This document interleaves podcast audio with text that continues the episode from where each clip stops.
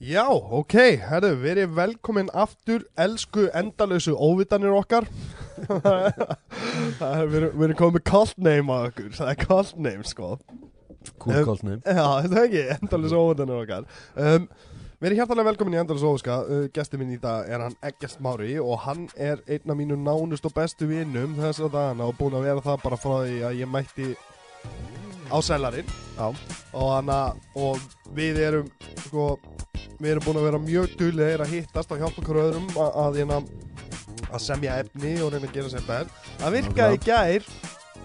Hann að að uh, Kolbekkið Já, með, með snákinn og það. Já, já, það, það virkaði í gær. Það virkaði ógeðslega vel sko. Já, því. Það var, það var góða punktur já, það, það var svo fyndið þú veist, það var svo fyndið þegar við þú veist, það, þannig að ég man eftir þessu bara frá í skólanum.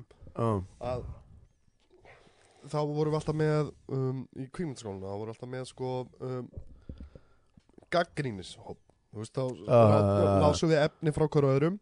Ok. Og áttum að koma með punta til að bæta sögunar í öðrum. Já, ég var aldrei með endilega bestu sögunar nei. en ég var alltaf ógeðslega góður að gefa punta Já, mynd já, annars Já. staðar, skilju þú veist, ég hef alltaf verið í gennu tíðinu og svona mjög naskur á því að, að sjá alveg þetta getur virkað þarna, þú veist, að prófa þetta og, hérna, og í gær fucking, þá killaði það alveg eins og þegar hérna, þegar þú benti mér á að segja ég er búin að vera þrjú ári eitthvað í dag.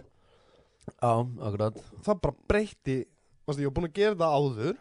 Já, það bara fucking þú veist, breytti öllu. Þá, þú veist, þegar ég segi þrjú ári eitthvað í dag það breytti allir, já.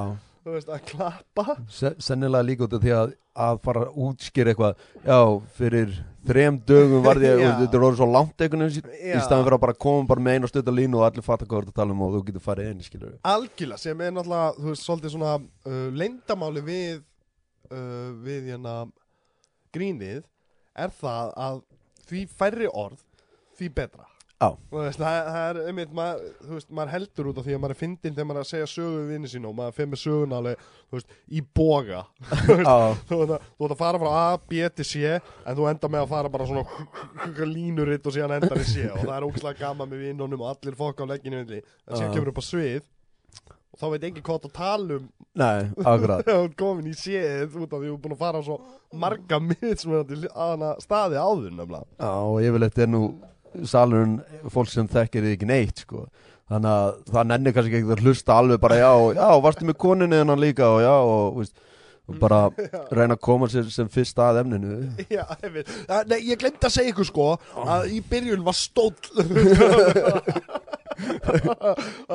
Býtu, hvað er, að- er gerast í þessu Já. ég, ég læri það um, helst með, með bananapittur mínum.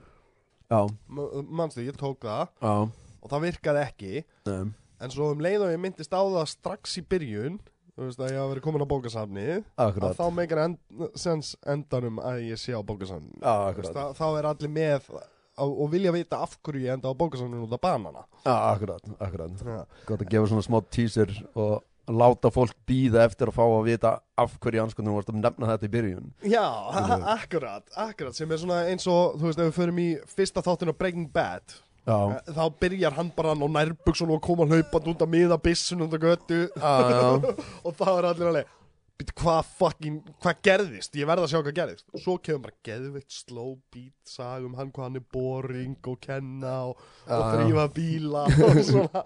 Þú veist, en það hefði aldrei virkað þessi þættir ef þeir hefði byrjað þar. nei, það er engin enda að byrja að horfa það Nei, það er engin enda að byrja að horfa það. Það er svona að byrjaði þannig. Þetta er, veist, þetta er svona, þetta er writing tekník sem maður lærir, finnst að, þér ekki skrítið að á sviði þá Mhm. lærum við það mest með því að gera það. Jú, jú, það er náttúrulega ég, ég sjálfur er ekkert rosalega duglegur þannig að- að að- að skrifa efni mitt sko, það er svona ég fæ hugmynd af ykkur röfla við sjálfa mig inn í hausnum í nokkra klukkutíma stundum og síðan rétt á henni fer að svið og bara ok byrju, ég hef með byrjun á punkt og hvað ég ætla að enda söguna og síðan bara skrifast hitt einhvern veginn ég hef oft skrifað sko í bók eftir að ég er búin að horfa sjálfa mig á teipi skilur, og skrifa, herru, þetta var geggjað og þá skrifa ég niður að þá veit ég að það virkaði skilur. Mm. en ég volaði lítið að skrifa eitthvað niður alveg orð fyrir orð hvað ég ætla nákvæmlega að gera sko. Það er bara, ég gæti ekki gert það Ég er búinn að reyna það einu sinni Já. Settist niður um daginn og, og reyndi að gera um, Þetta er eins og bara, bara í gær já, þá tók ég algjörlega nýtt sett já. bara algjörlega nýtt sett allt sem ég sagði, og hefnaðist mjög vel. Já, hefna, hefnaðist mjög vel. En það er líka út af því ég kom með á, ákveðna um, Elvars formúlu í skilur hvað ég hafi ég kom með ákveðna formúlu sem virkar fyrir, sem ég næja Your Koma- way. Já, koma sjálfu mér til skila til fólksins mjög fljótt. Já, þú veist, og alveg eins og hjá þér þú veist, þegar þú byrjar í körubólta já. Það er, þú veist, þú spyr við ekki, við náttúrulega viljum ekki rústa Nei, nákvæmlega, nákvæmlega. rústa bitinu og svona en, en þú veist, þetta er svona sniðugt hvernig þú kemur við, á, ok þú veist, þannig íþróttumæður, já. Þannig að til að segja smá frá ekki þegar ekki þú, þú ert basically um, um, hann að atvinnu íþróttumæður turned comedian. Já, svona sem ég Já, Já, þú, þú ert basically það. Segð okkur aðeins frá því, þú ert kauruboltamæður í æsku, já. alla þína tíð. Um, Var hérna heima náttúrulega. Uh, Síðan svona uh, Þessi fyrstu skipt Eða svona þegar maður fer að fara að fá borga fyrir þetta Þá er ég sem sagt í Svíþjóð Og hérna Og er þar hjá liðið sem heitir Malbas. Uh, Var þar að spila og, og þjálfa líka. Og hérna uh, fer síðan þaðan upp í Hamstað í, í hérna Hamstað Pearls heita og hérna nei Hamstað hérna ah, vá. Ah, Hamstað Lions heita það. Uh, hittir Helsingford Pearls sem er líka mjög gott lið. Mm. uh, já ég er þar í hvað í sex ár uh, að spila og þjálfa. Og síðan lendi ég í smá slisi þannig að, ég kem aftur heim til Íslands Byrju, um, um, Þú ferð yfir slísið Þú verður að fara nánar út í já ég uh, hvað sagt, gerist við, við lendum bara í bílslisi og hérna og við eh, og, og hnjá mig fyrir eða bara í mask þannig að það og maður þarf í snjén til að spila Já, það er sem sagt algjörlega ótengt íþróttunni sjálfur Já, já, já. já, já. Og síðan kem ég hana heim aftur. Eh, Hvernig, hvernig samt, bara svo ég var að spyrja á þetta Því ég vil langa svona að vita Hvernig, hvernig er tilfinningin? Þú er búin að vera sagt allt eitt líf fram að þessu. Á, Allt eitt líf bara körubolti, á körubolti bara frá maður var 7-8 ára eða eitthvað bara Já. frá maður sá Michael Jordan fyrst spila sko. Algjörlega, og, og þú orðið hvað gamall á þessum tíma? ég er ekki nema ég er ekki nema hvað 27 ára sko. 26 ára. Já, er samt 20 27-6 ára. Já. Og hvernig er tilfinningin á því að, að í raun og veru bara lífið þitt er tekið í burtu frá þér á einni kvöldstundu Það er ekkert rosalega skemmtilegt sko en, Mm. en þú svona að, ég veit ekki ég, ég veist, maður kemur heim og, og maður byrjar að og, og ég byrja að þjálfa hérna heima þannig að þú ert ennþá inn í körfu, körfuboltanum skilur mig Já, þú þarf það aðlagast já, aðlagast draumniðinum bara Já, já. lífinu, en samt að stunda drauminn sko. já, já og veist, það eru margir sem ég held að veist, uh, hafi haft uh, vilja komast eitthvað lengra í sinni íþrótt og og ég held að þeir sem hafa virkilega passion fyrir íþróttinni þeir, þeir fara þá eitthvað aðra leið til að nálgast þannig, veist, verða kannski dómarar eða þjálfarar eða, eitthvað þannig þannig að, þú, þannig að þetta er ekki alveg gjössanlega farið sko. Nei, nei, ég er nefnilega ég er hjartalega sammálaður þar. Já. ég, ég er náttúrulega, uh, var edru 28 ára gammal Já. það, basically þá þurfti ég að byggja upp lífið mitt frá grunni 28 ára gammal líka. Og, og mér langaði alltaf að verða leikari ok, þegar ég var krakki. Veist, ég, var, ég var hugfangin af bíómyndum. Ég raun og veru langaði mig bara að gera hvað sem er sem tengdist bíómyndum en helst að var að vera leikari þú veist. ok sem er kannski alveg hlut af því að ég get verið góður uppistandari.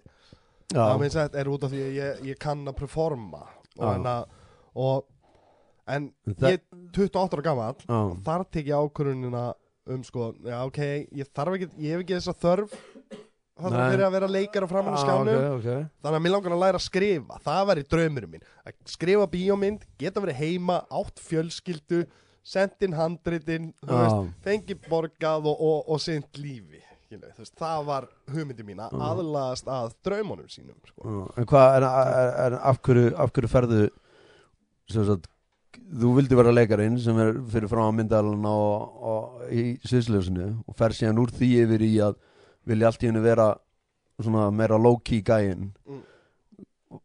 hvað, hvað breyttist þannig að þegar þú verður og akkur Ég held í raun og veru að ég held að það sé að mér langar að segja sögur sem er ástæðan fyrir að ég verð mm, grínisti, er grínisti líka er þú veist að ég elska að segja sögur.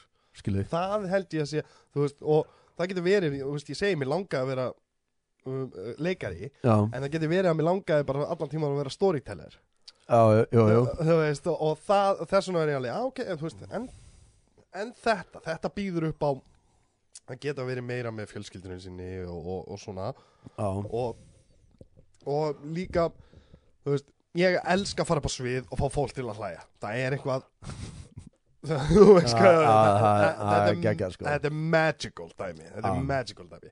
Ég elska líka að fara upp á svið og enginn hlær. Út af því að þá átta ég mig á því þú veist, you better step up your game boy. Þú, þú verður bara þú verður bara að gera betur. Þú veist, ég hugsa það alltaf sjálf mig. Auðvitað stundu getur krátið verið skrítið þau getur verið þreytt og alls konar svona hlutir já, já. spila inn í.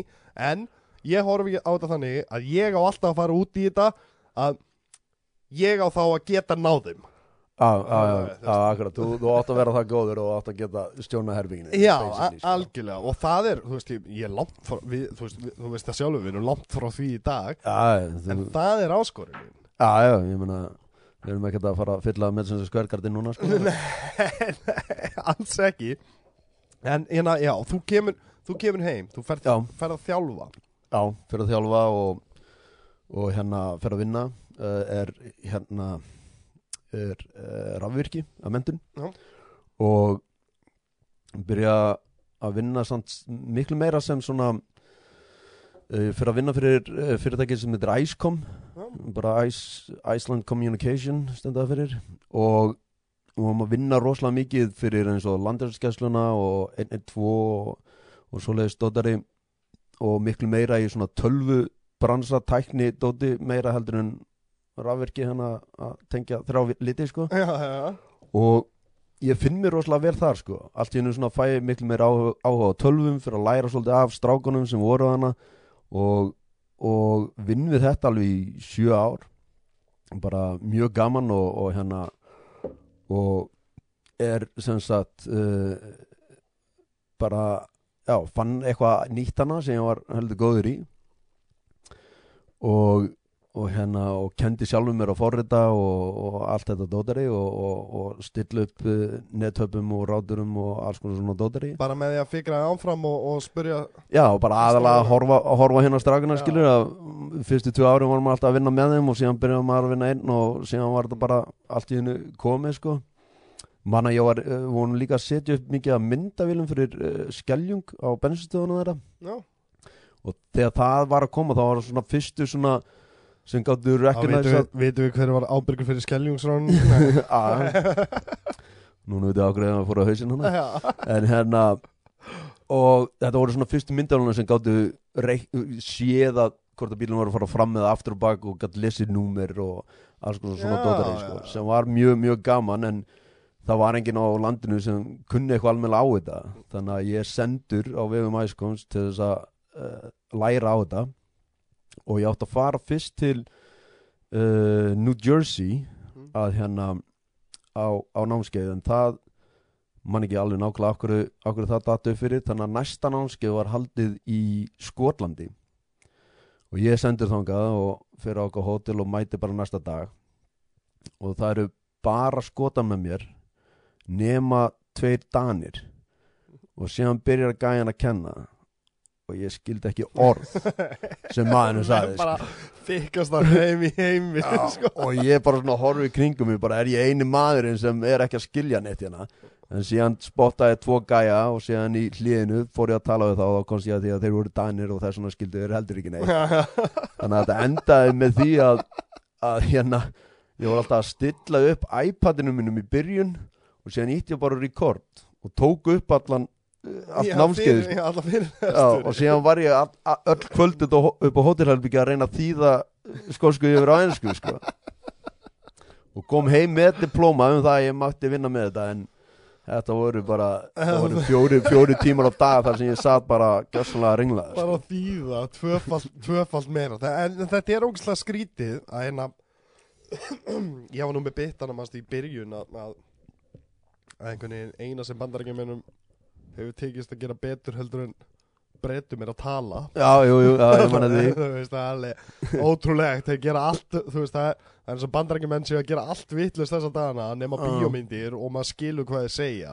Því Já, að, því að þegar ég, ég fari oft til Bretlands og já, ég fyrir til Bretlands þá tekum maður alveg tvo daga aðlagast hreimnum þeirra.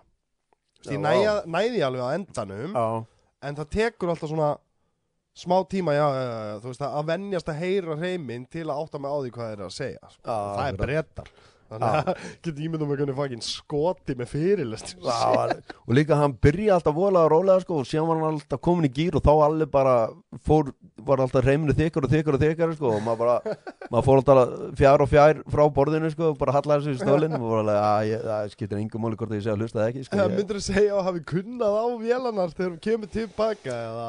Jú, jú, ég var náttúrulega með þetta alltaf á rekordi sko, og, og, og sýsti mín er gift breyta sko, og, eða skota þannig að fórum aðeins yfir þetta saman. Þannig að hann gætt þýtt þýtt hróknamálið yfir á eitthvað sem ég gætt skilið ég sko. að það er það, það er ótrúlegt hvernig það hefur enginn bara verið í þessu landi bara eitthvað, hei, restin af heiminum. Það, ta, þú veist, það, það, hvað, hvernig var þetta byttið þannig að allir í heiminum geta redda sér einhvern veginn á ennsku samt skilur enginn hvað fokkin brettar segja. Samt geta allir í heiminum redda sér pína á ennsku og ekki þegar þú talaði bretta Nei, og ég var með uh, fór með vinnum mínum til Londonar uh, hvað, eitthvað tíma í mars eða eitthvað? Nei, það var í mæ held ég. Og, og ég man að sko eins og þú segið, það var alveg tveir, þrýr dag við vorum bara hana fjóra daga og það var bara svona sennilega sensta daginn sem maður svona aðeins byrjar að ná sko hvað fólk var að segja sko. Já, já, út af því að þeir eru með alls konar svona hluti sem þeir segja líka svona, oh, oh, oh, look at that glass, uh, don't you agree it's uh, uh, uh, yellow in it? Maður- akkurat? Já, hann er að segja, isn't it? Já, Skilur þetta í, endan In it, eh? eh, In it, Oh, þú veist, þeir eru alltaf með alls konar svona hluti sem hann er svona smá tíma að átta sig á því hva, hvað þeir eru að segja og það þeir eru alveg, já, hann segir in it í, í endan á sendingunni, alltaf. Já, líka eins og tók ég eftir því að, að þeir sögðu stundum sko eins og sko me bought me these pants. Já, já, já, hvernig að segja tvis I was, ég næ ekki alveg okkur Já, þú byrjar á me. Bara, þú veist segir hvað það er en okkur er kent þetta sko, okkur er kent bresk uh, enska í, í grunnskólum. Já, eru, að, að allir kennarnir tala með bandarískum hreim. Já, það já, er sko, þú veist, og þú sér það ég, ég man bara eftir að vera að þegar við varum að tala um fótbolta. Já, það er alltaf bandaríkinn með að soccer jú, jú. og Breitlandi fútból og þú var að segja fútból ég alveg Þetta ekki að tala um soccer? Nei, nei, nei, nei, nei fútból Ok, já, ok, þú veist, ok. Já, fæn Já, ég heyrði staðar að orðið soccer kom sko basically voru ykkurir voru ykkur tveir háskólar í bandaríkunum sem byrja að spila sem sagt fótbolta eða það sem við könnum fótbolta Já. og íslenskan fótbolta eða breskan fótbolta. Og þar sem Kanin var þegar komið með orðið fútból fyrir sína íþrótt. Já, fyrir, fyrir íþrótta sem þú heldur á boltanum, by the way. Jú, jú, ég meina heldur á honum og, og, og eitt spark í leik Er náttúrulega eitthvað enga sen og, og hérna en síðan, þú veist Já, og þessi tveir háskóla fara hana saman og þeir gátt ekki skýrta fútból eftir að þau tóku það náttúrulega frá breska dótinu sko. þannig að þeir bara þessi tveir háskóla byggu til basically orðið soccer Já, bara til að hafa nafn á íþróttinni. sem þýði þannig séð ekki neitt bara Nei, eitthvað nei, nýtt nei. orð sem var bara búið til bara að þeir gátt ekki kallaða fútból sko. Ég er að segja, mér finnst þetta nefnilega Mér finnst það, ég hef alltaf pælt í þessu af því að fútból, bandarískur uh, hana, bandarískur rauðningur eða fótbolti, eða hvað, hvað sem við vilt kalla þetta um, er haldið á boltanum allan tíma það er bara, þú veist, það gengur það. Svo er, svo er sko, vítin eru hann hann er nú meira kastað heldur en kannski haldið. Já, já, já en hún nær stundum einhverju rönnið þar sem gæinn fær að hlaupa eitthvað smá hann er sko. kastað á milli rosalega en síðan er sko það er, það er sagt byrjunin í leiknum það er sparkað yfir í hitli og þeir koma hlaupandi og þú reyna að stoppa á. Jú, jú. og síðan er þegar þú skorar touchdown færð að sparka eða að hlaupa aftur þú, er, sko, þú mátt reyna annað eh, þú mátt reyna annað touchdown sko. Já, og, en yfirleitt viltu bara taka á örugt sparki á að vera 99% já, örugt, já, sko. algjörlega En, en- þetta eru einu, tvö skiptin sem er sparkað í boltan í leiknum Já, nákvæmlega. Og við kallum þetta fútból Já, ég heldur reyndar í byrjun þá þá máttur þú sparkunum áfram sko. Já, hlaupa og, Já, og, og sparka mætti- eins og er í rúbíinu í breska já, já, eða ástofnska eða breska Já, já, það, það, það er allan þannig í þeirra íþrótt. Það hlaupa bara og svo sparka þeirra fullu og ég myndi skilja að það væri ég held að amerísku fótbolti kemur þaðan og, og þess vegna Já, köllar það sko. og svo er breytt bara reglunum og, með tímanum sem þróast út í þetta eins og, hvað var það ekki, Jóngnar sem var með hafnaboltabitti þannig það sem er leiðilegast í jú. og það hefur verið bara, Gauri var að semja reglunar á alveg, eitthvað ekki, að Nei, nei, ég á að gera þrísvar Ég tækja verið til að slata aftur og aftur. Og þannig að ég held að hafa mér minnir að það hafa verið Jón Gnar sem átti þetta bit það Jó. Það hljómar, hljómar svolítið Það hljómar eins og hann fucking náttúrulega snillíkur En já, og þú kemur út af því að þú endar með því að- að ein- einhvern veginn endaði þú á sama stað og ég. En, en við erum sko komið frá tveim gjör ólíkum jú og, en að, og þú kemur heim með þetta, þetta vinna lengi fyrir þetta fyrirtæki eða hvað? Já, alveg ykkur sjö ár. Eitthvað þannig, sjö, átta ár. Uh, fer síðan uh, fer síðan til bandarækina með sem sagt uh, kæristun minni hérna á Íslandi eða fyrirhandi kæristu já, út af því að hún henni langaði að læra eitthvað dót sem var ekki kent hérna heima uh, speech and language pathology hvað sem það er á já, og hérna kannski þess sem það er ekki kent hérna það veit ekki hvað heitir. En við förum út og við byrjum í Atlanta, Georgia. Já. og hérna erum þar og þá var mjög svona skrítin upplifun út af því að sko það sem við byggum var bara inn í það, þetta hverfi heitir Little Five Point. Já, og það sem við byggum inn í í því hverfi er bara í miðjun á Atlanta sem er bara reysa stór borg Já. nefnum bara svona götu blokkið sem við byggum á. Já, það var einhver gamart katt sem hétt Noah sem var mjög fyndið og það kallaði hann allir hann úr biblíinu já, og sem var einhver rosalegur hippi og hann bjó bara tjaldi á lóðinu sinni sko. Og það var hann risa lóð en hann átti sko þrjú hús. Og hann leiði þau bara öll út til bara svona þú veist, einhverja artista svona sem kannski þú veist, voru ekkert að mega mikla peningar sko. Og, og þannig að maður bjóð hana með þú veist, tónlistamönnum og, og, og ljósmyndurum og alls konar svona dóti. Og síðan voru, þú veist, það voru hænur og einhverja dverggeitur og, og það var eitthvað sem átti svona ostrich já, og það voru skjálpökur hann í tjörninni og, og, og hænur og ketti bara sem enginn átti sko. Já. en þeir voru allir með nafn og voru alltaf bara að hengu hana sko og bara áttu það- allir hann sko. Þetta var mjög svo mikið náttúruríki eitthvað svona geðvikt. Og síðan var það fyrsta sem gæinn segir við mig er að uh, ef einhverju frá yfirvöldum koma að leita mér segðu þá bara að þú hafir ekkert séð mig. Ég bara, ok. Og síðan var ég búin að vera hann eitthvað mánu og kemur akkurat einhver gæi frá yfirvöldum þá eru þeir allan tíma búin að vera að reyna að sko banna þetta. Að, það, náttúrulega átti ekkert að vera með eitthvað ostrich í, í, í, Já, í miðju skilur bara- Basically þannig Já. á, lögunni og inn í þessu inn í þessu landsvæði sem hann átti einhvern veginn þá var svona svona þau byggu til svona varðeld og eitthvað svið og búin að búa til svona sæti þannig eitthvað situ og eitthvað og alla fimmtudaga eða eitthvað, ég man ekki hvað var þá hérna fóru allir þangað upp sko úr hverfinu og, og þá kveiktur eld og allir að spila okkur hörpur og trommur og, og fiðlur, enginn að spila sama lægi samt, sko. það var bara allir að spila eitthvað sko. Það var allir í gýrnum Það var bara allir í gýrinum og allir bara út í reyktir og bara, ó, bara gæði gaman, sko og, og sjálfsög var stránglega banna að taka myndir, sko á, á, á, á þessum stað, sko. Og ég man bara, veist, fyrstu vikuna satt ég og, og, og fyrir kæristum mig og við bara, hvað, veist, úti hvað eru við komið, sko. Bara, veist, ég held að ég var að fara að flytja inn í eitthvað risa svona einhverja rosa borgmar og síðan er ég bara í einhverju hverfi þar sem bara er allir með geitur og eitthvað drasl í garðinu sko. og, og leiðu duttu inn á þetta af því að þetta var hagstæðast fyrir ykkur. Já, já. bara að vilja, hei, wow, rosalega þetta er eitthvað ódýrt og svo bara ah, ok.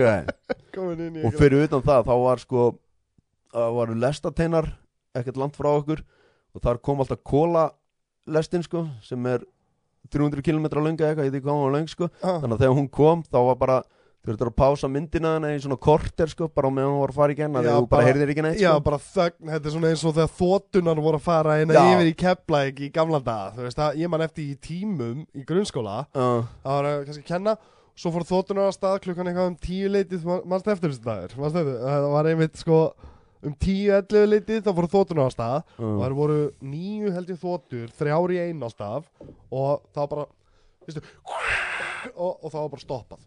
Svo, svo bara byð allir í svona þær allir bara ytta blíjandi sinn og Já, en síðan lendu þær aftur hvort það var í hádeginu eða eitthvað, þú veist það voru Já. að gera æfingaflug og þá var hádegismatur þannig að maður tók aldrei eftir þetta lendi en ég man alltaf eftir því að maður taka stað þá var bara, uh, mm, já, bara kannski ekki eins og við talaði um manneskinu við hliðina þér? Það er svo mikið læti.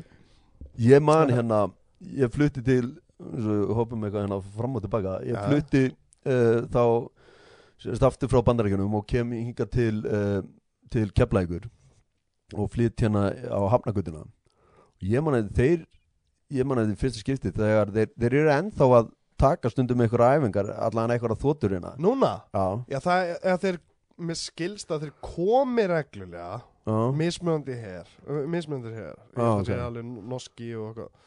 Ég veit ekki ég man ekki, Já. það, það er allan að það er búið að vera bandarækjumenn sko Já. það er búið að vera já bandarækjumenn ég hitt nokkra á paddís já, já, já, akkurat, akkurat þeir eru búin að vera nokkri sem koma Mhm. og, enna, og þá eru fullt af æfingum já, í gangi á þeim tíma sko. Já, því ég það- mani, ég var búinn að vera hann í eitthvað nokkra mánuði og síðan bara, ég veit ekki hvað djúlum var að gera, sko, ég held að það væri bara eitthvað farþáð þótt að bara lenda á hafnagutinu, sko, það var bara því líku læti maður, ég hljóp út og síðan þá sá ég akkur, ég var akkur þrjár þóttur, Já. bara brunu bara eitthvað í átt að reykja og síðan komu þar aftur senna og ég bara, "Ah, ok, er ég núna að fara að, núna er ég farin frá lesti yfir í þetta, það er geggjað.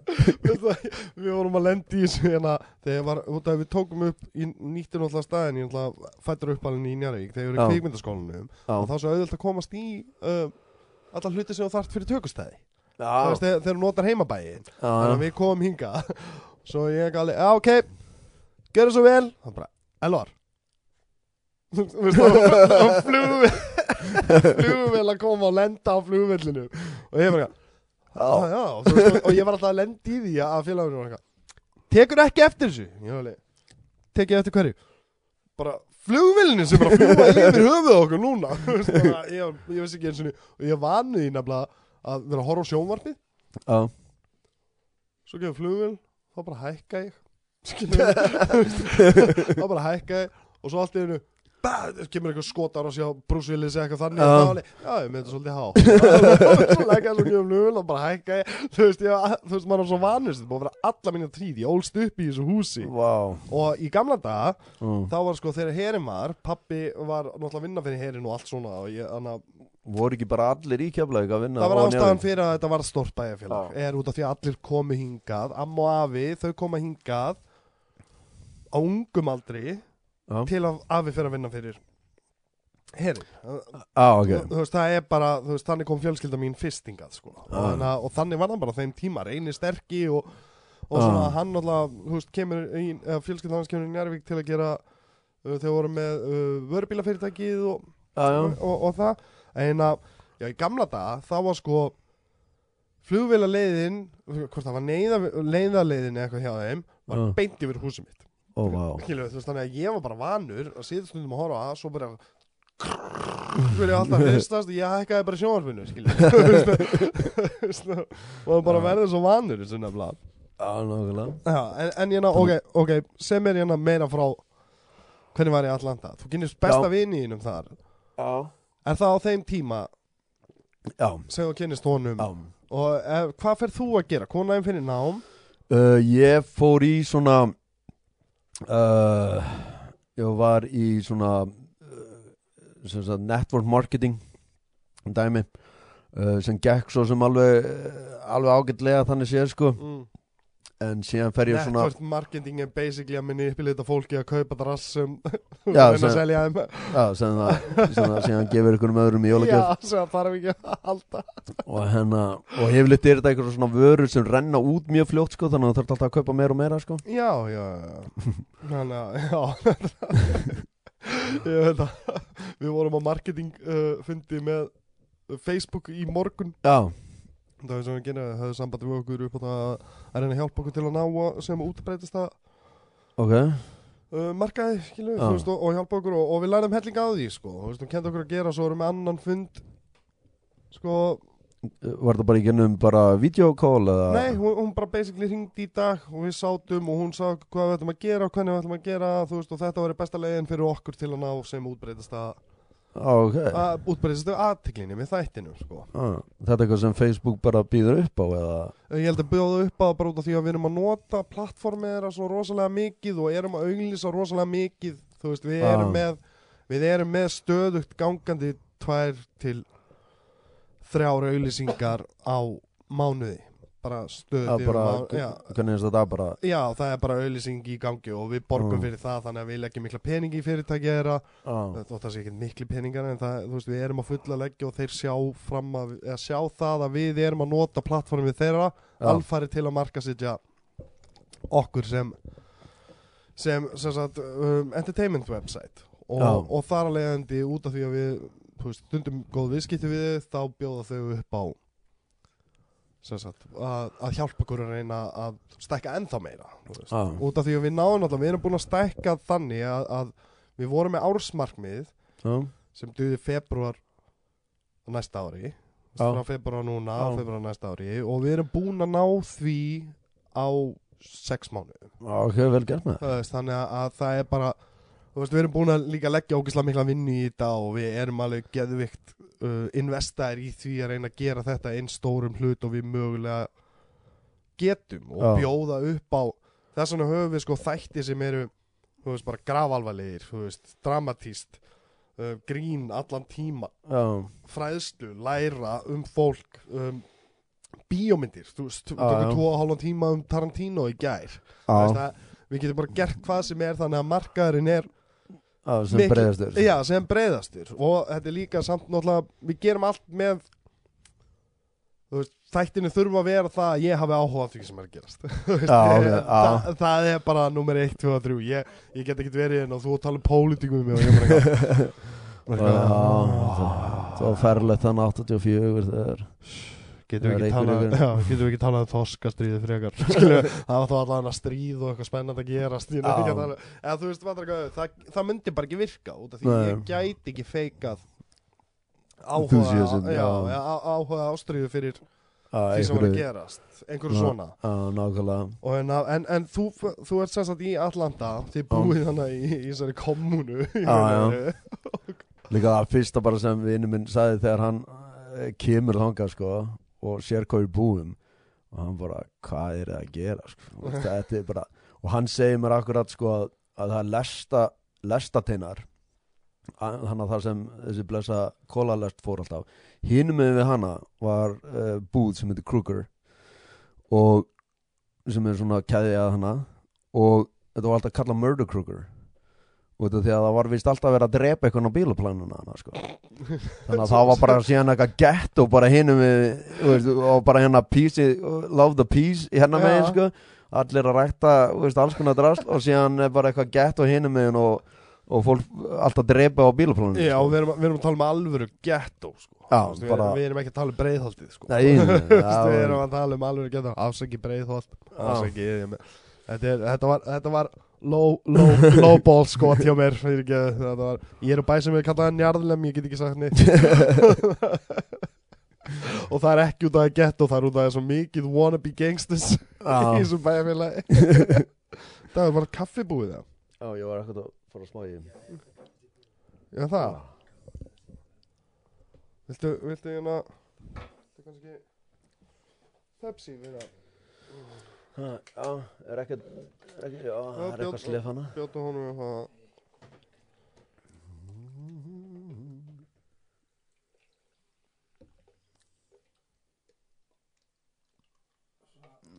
Ah. Ah. Þetta eru kannski nýju droppar. Já. Þetta er svona cappuccino. Já það er hægt að mamma er komin dagur, þú getur kannski beðið göm, já, getur beðið gömlum að vera eindislegur eins og hún er alltaf, hún er venjulega býður alltaf upp á kræsingar og svona, hún bara var ekki heima núna. Nó, Já, það, en hún- hún er eindisleg sko.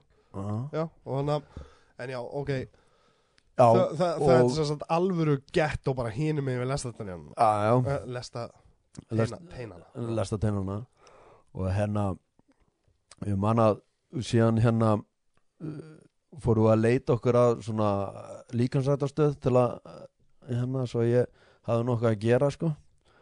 Og alla morgna á föruðu þangað. Og það er eiginlega alveg í hínum endanum í Atlanta í, í hverju sem heitir Buckhead. Hvað er lengi að keira svoleiðis vegalindan já, sko það er endar sex agreinar í hvora átt svona highway í kringum Atlanta og síðan svona cross í miðjuna sko þannig að þú kemst alveg svona á milli bæjaluta uh, á freka fljótt sko en á morgnana var bara trafík bara bumper to bumper þannig að það var stundum klukkutíma að komast já, sko en þú gast verið alveg hálftíma. Mm. og því meira sem maður fór þangað upp yfir þá svona átt að maður sér á því að hérna að hann að bjó ríka fólki sko. Hann var veist, bara einhverjar þvílikar villur og, og læti sko. Já, já. og enda rosalegt gym sko það voru, þú veist, það voru það voru fimm hæðum og þriðja hæðin voru sko Mm. tveir full-size körfuboltavelli sko og, og sundlega garðið fyrir utan og þetta var bara klikkað sko. Svo fyndi að vera Íslendingur og maður næri aldrei hausnum á sér beint utanum svona stærðir skiluðu Já, það er eitthvað, já, mollið. Maður er eitthvað að hugsa um kringluna það er nei, einhver að kringlan kringlan er svo búð í molli í bandaríkjanum sko. og við og ég man að, þú veist, og maður sá alltaf bara svona liðið sem kom hana og var, veist, við vorum á einhverjum sko handónitri Toyota eitthvað, mann ekki eins og hvað það hétt sko. Veist, og, og síðan lagði maður hann á bílaplaninu og þá var bara Rolls Royce öðrum megin og, og Porsche eða eitthvað hinum megin við bílinn sko, maður bara, wow, ok það er pínu svona eins og þegar mér, hvernig mér líður þegar ég legg í uh, fimmleikunum hjá. Dóttir minni skrifur ég hef einhverjum ógslum ægó. Bara BMF jeppar og svona við hliðina á og síðan kem, komumst við að því sko, að því ég man að meðlumskorti var ekki það dýrt sko. Það var ykkur sjúurskall á mánuði eða eitthvað. Og mér fannst það ekki dýrt fyrir þig en dólarin hefur við, þú veist, já, og, líka, já, og líka bara, veist, ég hugsaði ekki þannig séð í veist, ég hugsaði bara, ok, þetta er ykkur sjúurskall íslenska skilur, ég menna það kostar eitthvað náttu skall að vera í völdklass sko. Já. og þannig að, veist, alveg ok en þannig inni, þú veist, og veist, alltaf með personal trainers, þú gast farið í alls konar mælingar og alls konar dót alltaf frítt sko. Já. og þannig að mér fannst þetta ekkert dýrt. Þannig að ég fór ekki að skoða bara aðra gyms Já. og þá kemst ég bara að því að sko 20 dólarar er bara svona frekar meðal verð sem ert að borga skilur það er bara við erum svo vön aftur að borga svona ógeðslega mikið hérna skilur já. þannig að við vorum í lang, lang dýrasta fokkin gyminu skilu og síðan þegar fólk heyrði að við værum þar það bara, ó, vá, bara held að við vorum gett rík sko, að við, að við vorum bara að eyða hérna 70 dólarum hérna bara kann einsta mánu sko. Við bara vön því að eyða 8.000 kalli 8.500 kalli að Já, fara í hérna, vörgla sko. Já, hérna, ég meina ég, ég mæli náttúrulega með því að, að ég fer sko í Njarvík Mm. og þar fær maður þar fær maður á topprís, það er bara, þú veist 16 ás kall, þá væri árskort og, og guðbað í, árskort. í, í, í, massa. Já, ok. Já, það er bara, þú veist, þú, það er þetta með allt sem þú þarft. Þú er náttúrulega ekki með, þú getur náttúrulega fengið þér enga þjálfara þá borgar það bara fyrir þá sem eru enga þjálfara og e- eru þar Já. þá borgar þeim bara persónlega en ég ná en ég, mér finnst það lang, þú veist, mér finnst það bara flott þú veist, ég er náttúrulega reyndar, þú veist, eftir að ég fokkaði bakinn á mér skítrættu við gimmið, sko en ég Já. á til að fara á, á, á göngubretti bara já, já, að taka góða, lang, uh, þú veist, góða, góða 5 kilometra í göngu, það, þú veist það heldur mér svona einhvað við allavega þángu til að fínt þá, að, já. fínt að geta gengið hérna á þess að vera í róki já, það, er akkurat ástæða. Fólk hugsaði einmitt skiljum, það er bara út að labba. Hefur, komið til kemlaðing það er er hvergi skjól sama hvar þú stendur í kringum húsið. Það er er bara aldrei skjóli Ég komst, að, komst fljótt að því þegar ég fluttinga og bara náttúrulega hafnagatana náttúrulega niður höfnina. Og bara í hver skipti sem ég labba út og bara og maður bara, wow, er þetta ekki að djóka í mér maður? Bara alltaf rók og eins og þú segir, það skiptir engum máli og það er náttúrulega næsta tré er sko í hafnafyrði Já. þannig að það er ekkert enn til að búa til skjól whatsoever Nei, ekki sko. nema á sért bara með pall heima hjá þér getur þið fengið smá skjól þú veist, það er bara, en þú þarf að raða þér alveg eftir vindátt á pallinum Já, nákvæmlega. Þú veist, það er alveg þannig. Herru, þannig að segðu mér, þú þú ferð þannig, þið eru búin að vera þú ferð að stunda líkasræktina og he- heldur við og alltaf verið náttúrulega pínu fitt manneskja í, í köruboltanum og svona. Þú ferð að læra hérna, marketing. Þú veist að selja bönnum sígarettur. Já, Já, það er ekki hann að baby smoke salat jú, jú, ég meina það er bara ég meina það er langt best að að selja eitthvað svona og fara hodla, hodla hérna viðskiptuvinnir, koma alltaf aftur aftur sko. Já. En þú kynnist þess að, já, þú kynnist uh, besta viniðinum Er hann með þér í skóla þá? Nei, hann bara er eh, bara kynnist hann úti sko. Já, bara bjó, bjó hann þá á kommununni eða bara, já, bara já, já, þannig séð sko. já, bara hann einhvers staðar nágranni nálægt Já. allana Já, og en síðan við stoppum alveg stutt í Atlanta sko, síðan uh, fer hún í skóla hana í, uh, í Montgomery sem er í Alabama já, og það er nú reyndar ekkert það langt að keira á milli sko, en, en hérna en við komum fljótt að því að, að íbúrhúsna í Alabama er mun ódýrar heldur en í Georgia já, það já, já, Nú, ég, ég hefði haldið Atlanta er miklu dýrar heldur en Montgomery, Já. Alabama sko. já, já. Já, mér er það bara á bensinni er ódýrar að hinna með við línuna sko. já Já. Það er svo mikið- er ruggli sáði mitt uh, fyrirsögn í dag að, að hérna, bensínverðið er, á, alheims markaði bara lækkum 57% en, Vá. bara, en bara 12% á Íslandi það verður alltaf að lækkar og verður alltaf svo dýrt að flytja sko. Já, já, og fyrir flugniskjöldin alltaf upp já. Og, hérna, en já, þið já, hvernig var að búa í Alabama þá? það var sko ég held nú fyrst að sko Montgomery er hérna höfuborg, að höfuborg fylgisins. Já, þannig að ég held að þetta væri kannski eitthvað svona svip á, á Atlanta. En næ, þetta eru er 400.000 manns eða eitthvað sko. Og rosalega svona dreift eitthvað. Og hérna og man bara á veist, en þetta er rosalega sko þetta er rosalega svona college bær sko. Já er, mi mikið af námsmönnum sem sagt, á, Já, og, og, og eru með Alabama State háskólan sem er risastór eru með uh, Montgomery, Alabama og, og, og hérna eru með hérna nokkra, nokkra mjög svona aðalega svona amerískur fótbolta dæmi sko. Já, já, já. Þegar- svo, þeir koma hana á scholarships. Já, og þegar þú sko þegar bærin ef Alabama State var kannski Party, party colleges. Já, og bara þegar það var sko hérna, leikur hjá þeim þá bara fór bærin á hliðina sko. þá Já. bara, veist, allir alveg bara, veist, fólk var tjaldandi fyrir utan þótt að þetta heima sko með við götu Já, sko. já bara til að vera mættur á bílastæði sko klukkan átta um morgunin sko. Þetta er hvað, tailgating sko. tailgating. Þetta er rosaleg menningan og útivist sko. Já, er bara það er svona ef, ef skólinn er mjög þekktur fyrir, fyrir ameríska fótbolta sko, þá, þá er þetta alveg rosalegt dæmi sko, og fólk er bara mættana og, og það tekur með sér sjónvarpið sitt og, og það er verið að grilla og bara, bara allt í hennu er allir konir útilegu sko. Það er einmitt hana Við varum alltaf að horfa á þættina hana Blue Mountain State. Já, Þannig, Og það var alltaf bara Þú veist bara Annað hver hlutur sem að sagður í þættinu bara eitthvað This is a football town.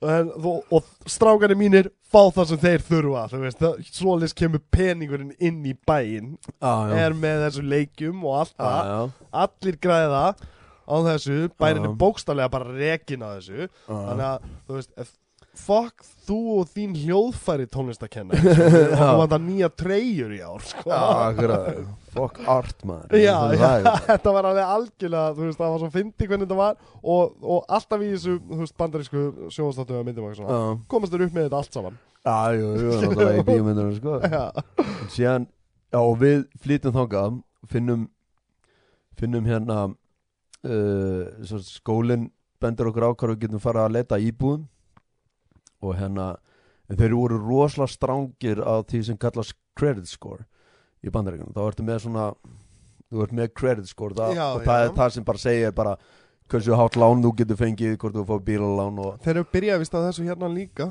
nú ok Já, byrjað að fylgjast með þessu, Já, sko. alveg tímið til komin Íslandingar kannski læra eitthvað aðeins að peninga Já, einmitt. og þau voru alltaf að byggja okkur um að senda credit score Mm. og veist, hvort við mættum hvort við bara verum mættum leia Já, bara fær. Já, og við bara, við komum frá Íslandi veist, Mm. við erum ekkert með svoleið skerfi Mm.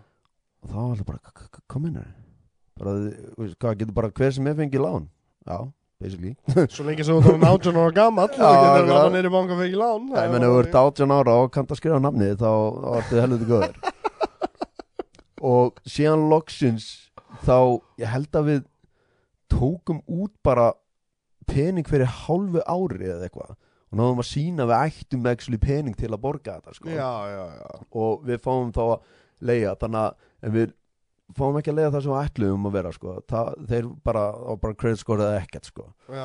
Og hérna og, en þetta var samt svona þetta kallar svona gated community sko. þú veist, þú kemst ekkert inn í hverfið nema eiga heima eða, eða eða vera- skráður gestur eða? já, Já. og hérna og ég alveg, "Ah, ok, þetta er nú alveg fínasta dæmi, skilur mig. Og bara þriðja daginn eða eitthvað og lappa ég bara út úr hverfinu og bara yfir götun og þar var eitthvað svona supermarket. Já. og þar eru tvær lauruglubílar og ég bara, ok, hvað er í gangi hérna? Síðan er eitthvað fólk að fylgjast með, lappa upp og spyr gæja hvað hvað var í gangi, hann eitthvað já, nei, það fannst líkjana ég eitthvað, þá var bara eitthvað lík og bara eitthvað gæi skotin hann fyrir aftan sko. Og láð þar ennþá sko bara um morgunin sko og löggan að finna hann. Og ég bara hvert í anskotunum eru komin núna? Fyrst ykkur kummuna og síðan eru komin í eitthvað ghetto sko. En það kom nú í ljós að þetta var nú bara eitthvað svona eitthvað bara eitt tilfelli sem Já, það var ekki svona slæmt. Nei, þetta var- Þetta var ekki svona slæmt eins og þetta leit út fyrir að vera þetta, þetta var fyrst í dag. Já, já, Já, já. Ég skilji út af því að út af því að þetta er svo skrítið Þetta er eins og uh, með, með skólaskotári sinnar sem er í gangi. Búin að vera í gangi núna bara í 2-3 ár. Er ekki komið þrjú? já, það er búin að vera nú aðeins lengur en, Já, en, en bara svona hversu já, faraldurinn er alveg bara Já, það er komið þrjú ár af faraldri bara Þú veist, það sem er bara Þú veist, það sem er orðið þannig Að þú veit alveg Já, auðvitað skaut einhver mætti ykkur þanga þú, þú, þú byrjar að hugsa þetta já, þeir hefðu átt að vera að passa þetta betur út af því að þið viti að hann er að koma þanga þetta veist, þetta er orðið svona slæmt. Maður, maður meðtekur ekki svona hluti sem Íslendingur. Nei, eins og þú tala um. Það var eitthvað skotin bara í Já, veist, bara- bara rétt hjá. Já, og hérna þú, með, þú meðtekur ekki svona hluti veist, þegar eins og gaurinu var skotin hana hérna eini maðurinn sem hefur dáið í skotarós á Íslandi já, að hérna að þá var maður bara, wow, veist, maður bara, bara, bara- bara í sjokki bara maður í bara- alvörinni er þetta búið að gerast á Íslandi. Já, bara einhver með mótif og fer bara og der, skýtur eitthvað, sko. Já, já, og manni fannst það, og er ekki líka, veist ég heyrði eitthvað tímann að íslensku lauruglan hefur aldrei skotin einn, held ég. Einu sinni það, það var það sem ég að tala um. Það Já, er eina já, skipti já, sem þetta gæinn hana upp í, upp í breiðaldið, eða ekki? Því miður. En, en, en það var einu maður hann var, þú veist, var hann ekki út um gluggan að skjóta á þá og þeir skjóta og ná honum. Jú, eitthvað þannig. Þú veist, það, það bara, þú veist, þeir þurftu Já, þau þurftu basically að já, bara, voru bara upp við vegg og þurftu basically að gera þetta. Já, og maður, maður er ennþá daginn í dag eins og sér, við erum sittum hérna að tala um þetta alveg bara, það var, löggan hefur drepið einn gaur. Já, akkurat máli í bandarkinu bara eitthvað, þú veist, já, bara Bara drefning hvernig er þetta dag sko. já, bara hvað ertu búin að drepa marg í dag? Já, akkurat. Þú veist, þetta, er, þetta er svo skrítið. Þetta er alveg ótrúlega. Ótrúlega skrítið. Og maður ég, býr í svo venduðu samfélagi maður, maður átta sig ekki á því út af því að maður getur alltaf fundið eitthvað til að kvart yfir sko. það er alltaf hægt. Já. en þú átta ekki á því hvað við erum heppin með svona hluti til dæmis. Nei, já, við, við erum rosalega, rosalega heppið með þetta að, að, að, að það sé mjög lítið þannig séð um vopnað dæmið hennar sko. Já, já, já, já, vopna glæpi og svona hluti Þú veist, ég meina, það, það er gert bara sönníslega sakamál þóttum því að þú gerir það Já, Þú veist, það er bara bókstælega til jafnmörg dæmi og eru til þættir af sönníslega sakamálum Það Já, já. eitthvað svona er að gerast sko. og þú þarft ofta að fara sko til 1927 bara til að geta búið til þátt sko. Þú veist, það, er svo, það er svo lítið efni til sko. já, algjörlega, algjörlega Þú veist, meira þess að fakkin, þú veist, í stóra fíknefnamálinu. Það var engin, svo, þú veist, það var engin skotin eða dó engin eða neitt, Nei, veist, það var nei. bara resa herferð tekin og þau voru allir teknir Voru þetta með einhverjar byssur þannig voru- það voru einhverjar byssur teknar Eitthvað svona ekta íslenskt eitthvað svona afsöðu haglabissa eða eitthvað sko. en, en enginn af þeim var að miða þeim á lögguna eða, Nei. eða neitt bara, þeir voru bara teknir og fóru í fangilsi og komu út Já. eftir að þeir búin að afplána tíma veist, Ég heyrði eitthvað tíma sko prósendu töluna hvað er til marga byssur á Íslandi? Og það komi mjög óvart að það er alveg heil hellingur sko.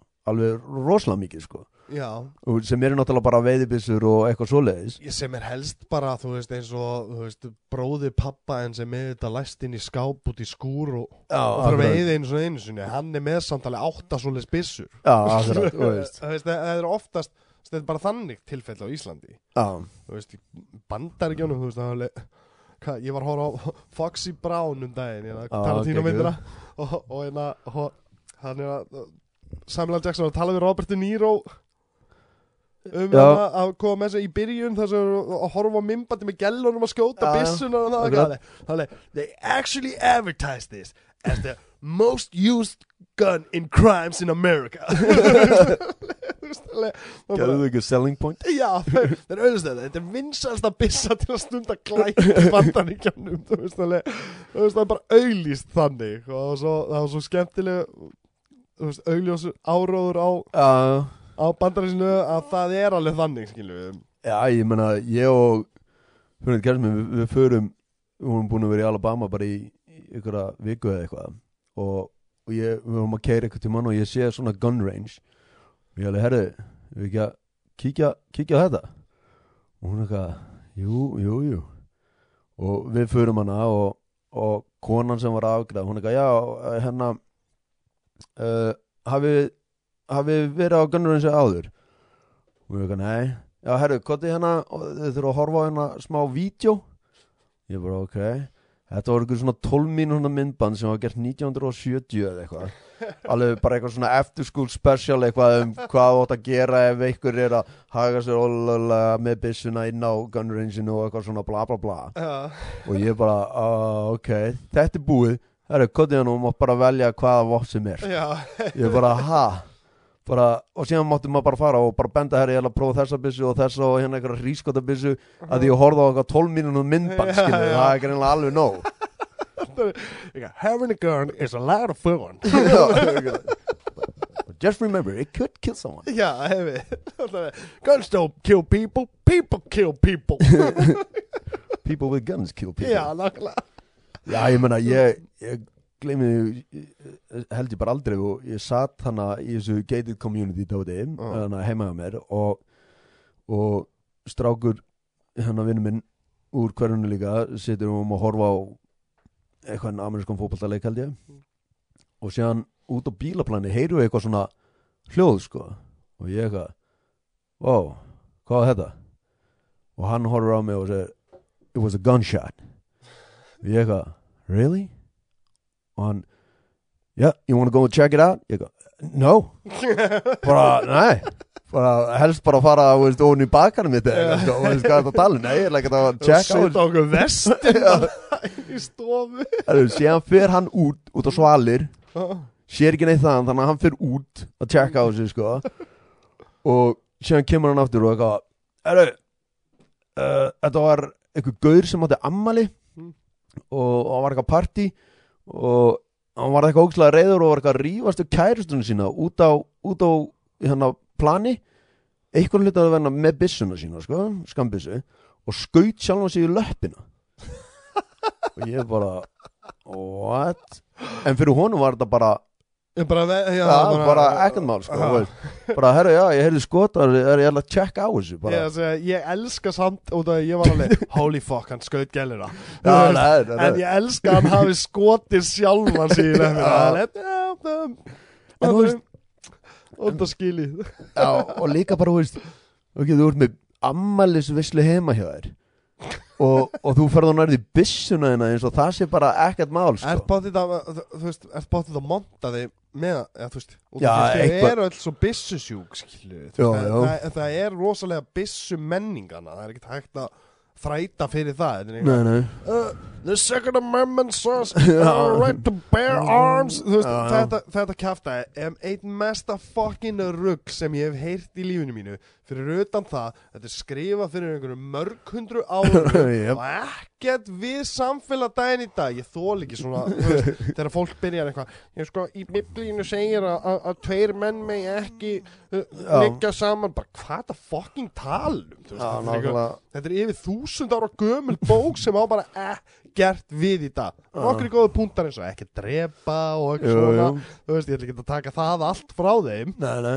Og, og lífi kærleik og eitthvað svona en, en come on Já, bara, við skulum ekki helga líf okkar af einhverju shiti sem var skrifað af einhverjum sjö gaurinn sem voru út úr reykti bara þegar voru að skrifa þetta sko. algjörlega, þú veist, og, og hötu konur augljóslega. Já, já. Þú veist, og, og, og eins og það og, og, og hérna, hommafælnina og allt þetta. Já. svona, er svona ekki reyna fucking segja við mig að ástæðan fyrir þú hatir homma eða, eða samkynniða er út af því að stendur í þessari bók því að það er að heimskulasta sem ég heirt í lífinu mínu. Já, að því ef það myndi ekki standa hana, hvað myndir á að elska eða, þú Já, akkurat, akkurat, hvað kemur þessi bók við nútíma samfélagi, við búum í nútíma samfélagi, sko, já, og þannig að það er einmitt eins og með byssu lögin, og Já. þau eru alltaf að nota þetta second amendment dæmi, já, já, ég er, þú veist, ég er persónulega náttúrulega, ég veit ekkert hvernig þetta er, en Já. ég, ég er alveg á því og við hefum ekki að vera bara öll með byssur, nei, það, þú veist, ég, mér finnst það bara þokkalega fucking skrítið að bara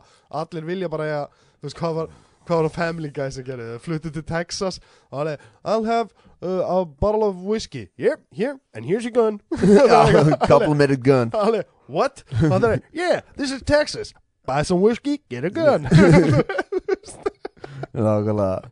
En síðan er það alveg líka sko, maður hefur alveg náttúrulega við búum í svo rosalega örugu samfélagi. Já.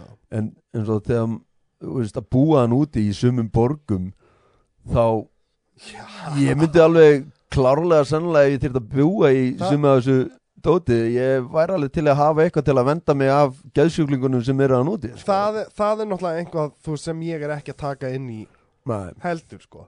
Veist, það, það er, en ég það, þetta er svo flóki mál út af því að þú ætlar að verja fá geðsjúklingunum en geðsjúklingunum horfa þig sem geðsjúklingin skilur við að okkur er þú með byssu en ég, ég, ég þarf þá að vera með byssu þú veist, finnst ég er svona meira að tala um að það er brotist inn tíðin og, og Já, öllu- til að geta varið þig og eitthvað svona. Það, ég meina, erum við ekki að tala samt um sko, þau eru að tala um að þau þurfa að vera með AK-47 byssu. Þú veist, Já, þau, þau eru ekki að tala bara um einhverja, skambissu til að verja sig sem er læst inn í skápin í herbygginu og getur laumast í hana og heyrir í einhverju frammi. Já. veist, þeir eru ekki að tala um eitthvað svona. Þeir eru að tala bara AK-47 og Uzi og eitthvað svona, skilju og, Já. og hérna og hvað, hérna um, bulletproof piercing bullets. Já, er eitthvað svona og eitthvað kúlu sem fara inn í og springa síðan og eitthvað svona dæmi sko, maður bara hvaða fucking hópur af ninjum er að, ráðast á því, Já, þú veist, þetta er alveg Þetta er ekki til að verja sig, þetta er til að ráðast á einhvern, sko. Já, það, það er bara augljóslega þannig.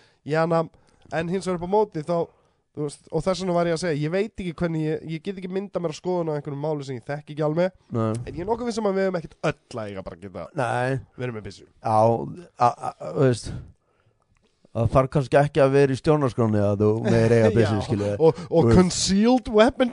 Já, akkurat sem er mjög sem er mjög furðulegt þannig séð að ég er samt að, veist, maður er alltaf að heyra rök fyrir báðu, sko Já. að, sko, að eiga allir rétt á að eiga byssu heima hjá sér Mm.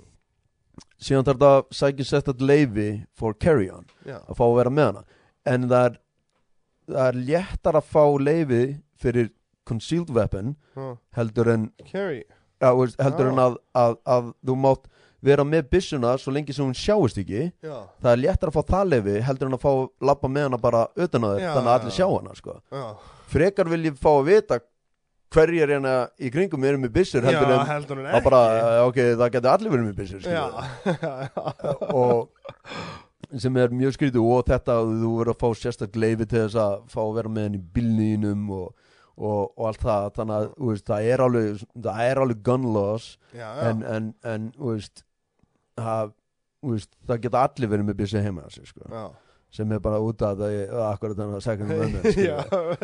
veist. to bear arms Mér finnst þetta svo Mér finnst þetta svo fyndið Þú veist. Eru þið að hlusta á hvernig þið skrifað með þessi. Þetta er svo fucking er eitthvað.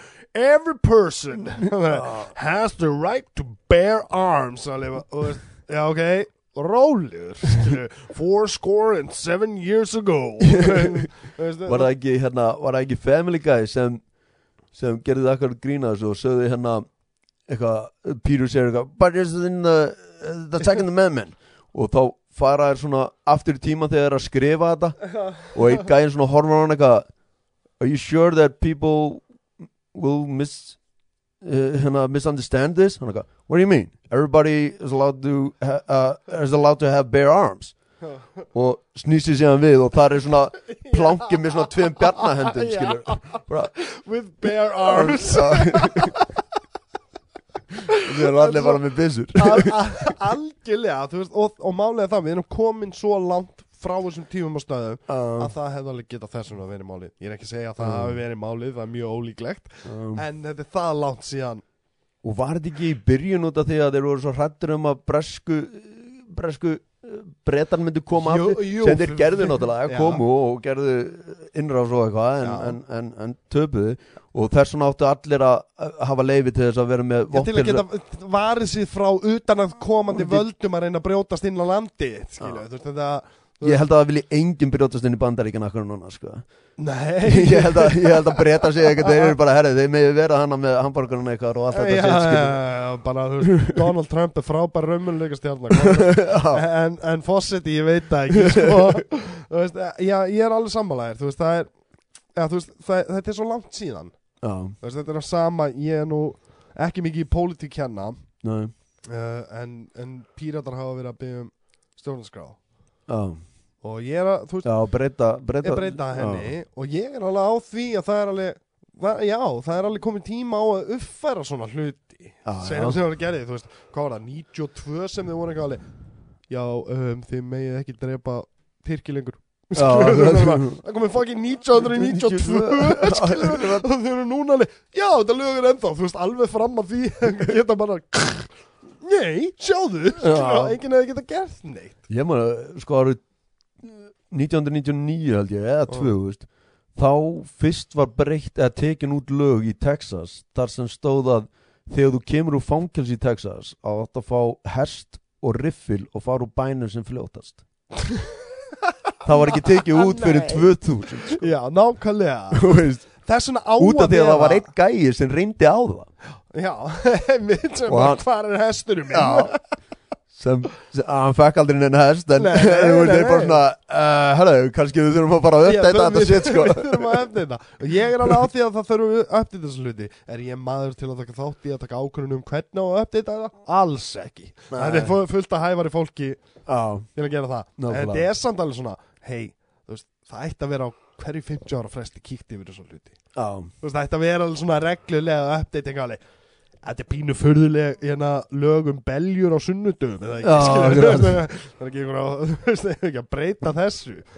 Svona hlutir sem þurfum að breyta og laga nú erum við bara, við erum bara ennþá í bandarækjunum þú þú kemur heim eftir það. Jú, jú. Uh, hvað er langt síðan þú komst heim þá núna? Það er að vera þrjú ár. Þrjú ár síðan þú kemur heim. Já.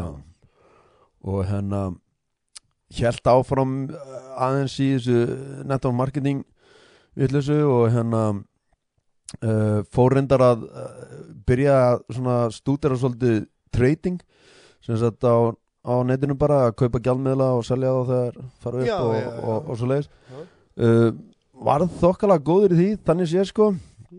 En bara þetta tekur svo gríðarlegan tíma frá þér sko, þú þarf að vera að fylgjast með öllu sko, bara þreymur sekundum og sen og þá, þá er allt farið sko. Þú þarft að vera með obsession á peningum til að Já, þú þarf bara að vera veist, með þrjú þrjá skjái og hlustandi á sko, þrjá mismunandi gæja og, og helst podcast í öðru eiranu bara til að fá að vita hvað er að gerast á þessari sekundi sko. Já, já, já þannig að það fara að taka allt og alltaf langan tíma og, uh, frá mér og, og, og veist, að því maður var ekkert það örgu með þetta maður var ekkert að veist, með eitthvað að háa fjár, fjárhæðir þannig að maður svona var kannski ekkert að hafa rosalega mikið uppbúrið sko. Það var einmitt þessuna sko þessuna var bitcoin svona vinsælt markaður í þessu. Því að þar gæti þessu stórir gaurar í raun og veru stjórnað já markanum af hann var utan sem sagt, Wall Street Já, skilu, að þeir Já. gáttu bara stjórna markanum bara, já, dælu svona mikið og hækkar þetta og getur selt, skilu, veist þetta, er alveg, þess, þetta var mjög áhugavert. Ég horfði einhvað á einhver, á einhver, hvort það var væsheimildamindi eða eitthvað svona, ég manna ekki í að- og þá voru þeir að ræða þetta mitt að, að þarna væru ástæðan fyrir að bitcoin fró, fór úr einum dollara upp í 370 dollara. Bara einni nóttu er út af því að fólk áttaði sig á því að gætt fokka í markanum eins og það vildi sko. Já, já og þú veist, var ekki 2017 held ég eða 2018 að á því ári urðu til fleiri miljónumæringar í dólarum talið heldur en öll síðustu tíu ár samanlagt sko. Og veist, allt í hennu var bara veist, fullt af liði en mikið af þessu liði er náttúrulega komið niður aftur sko. já, já, já. Er svona svolítið, sprækja andlita en, en hérna Strykur í 15 mínútur. Já, Ríkur samt sem aður jú, jú. Og hérna en ég fer síðan bara og, og, og byrja að vinna aftur sem rafvirki. Já, og hérna sem er bara mjög fínt sko. Ég finn mig alveg í því það er, það er mjög gaman. Og síðan bara já í mæ já, þá þá hérna skora vinnu minn á mig að- prófa uppistandið. Já. og ég skelli mér í það tek þannig að fyrsta settið eitthvað tíðan í byrjun mæ minnum mig gekk bara mjög vel með við fyrsta skipti sko.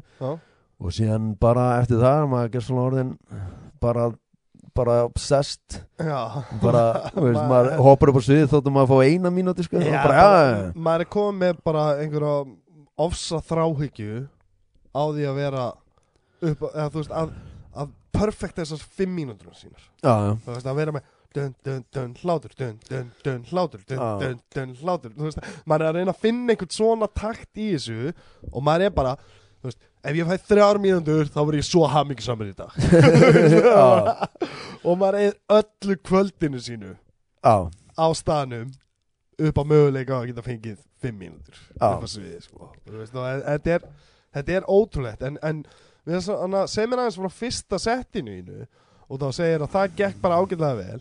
En flestir sem ég hitti og, og þú veist flestir á okkur veist, open micerum og svona þú veist, og hérna þó að við fengum nú borgað fyrir já, já, Já. fyrsta skiptið þannig að við erum officially professional comedians Já, já. núna að tala. Hérna þótt að það var þús, þúsund krónur.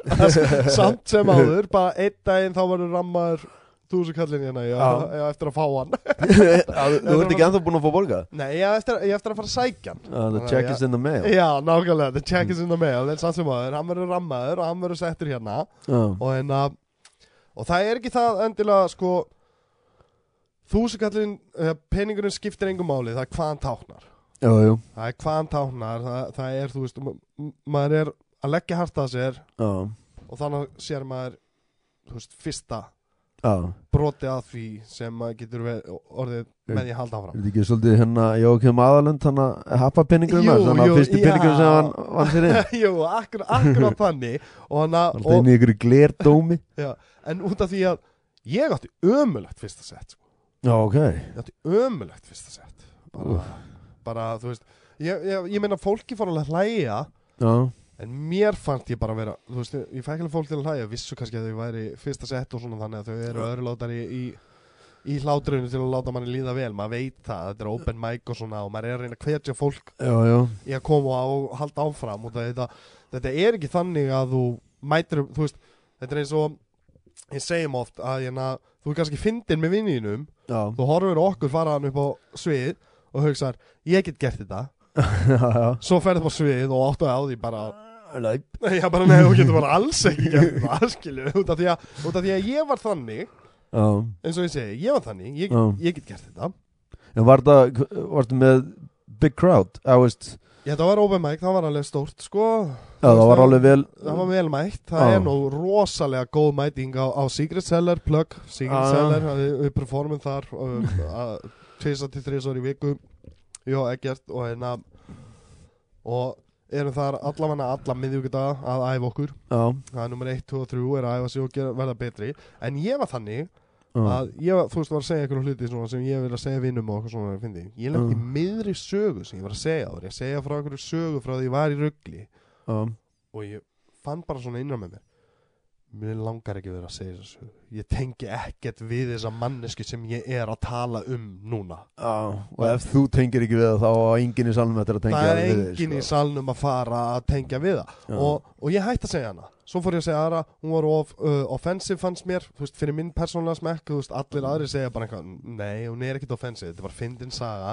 En Já. fyrir mér er þetta eitthvað já, ég er ekki alveg tilbúin að- að hérna, eða þú veist, bara mér langar ekki að segja svona sögu. Þú veist, það var ekkit flóknar en það bara Nei. mér persónulega, ég, mér langar ekki að segja svona brandara. Og, og þá fór mér að ganga vel. Það er, og það er alveg einum og hálfu mánuð eftir að ég byrjaði að mæta. Já, ok.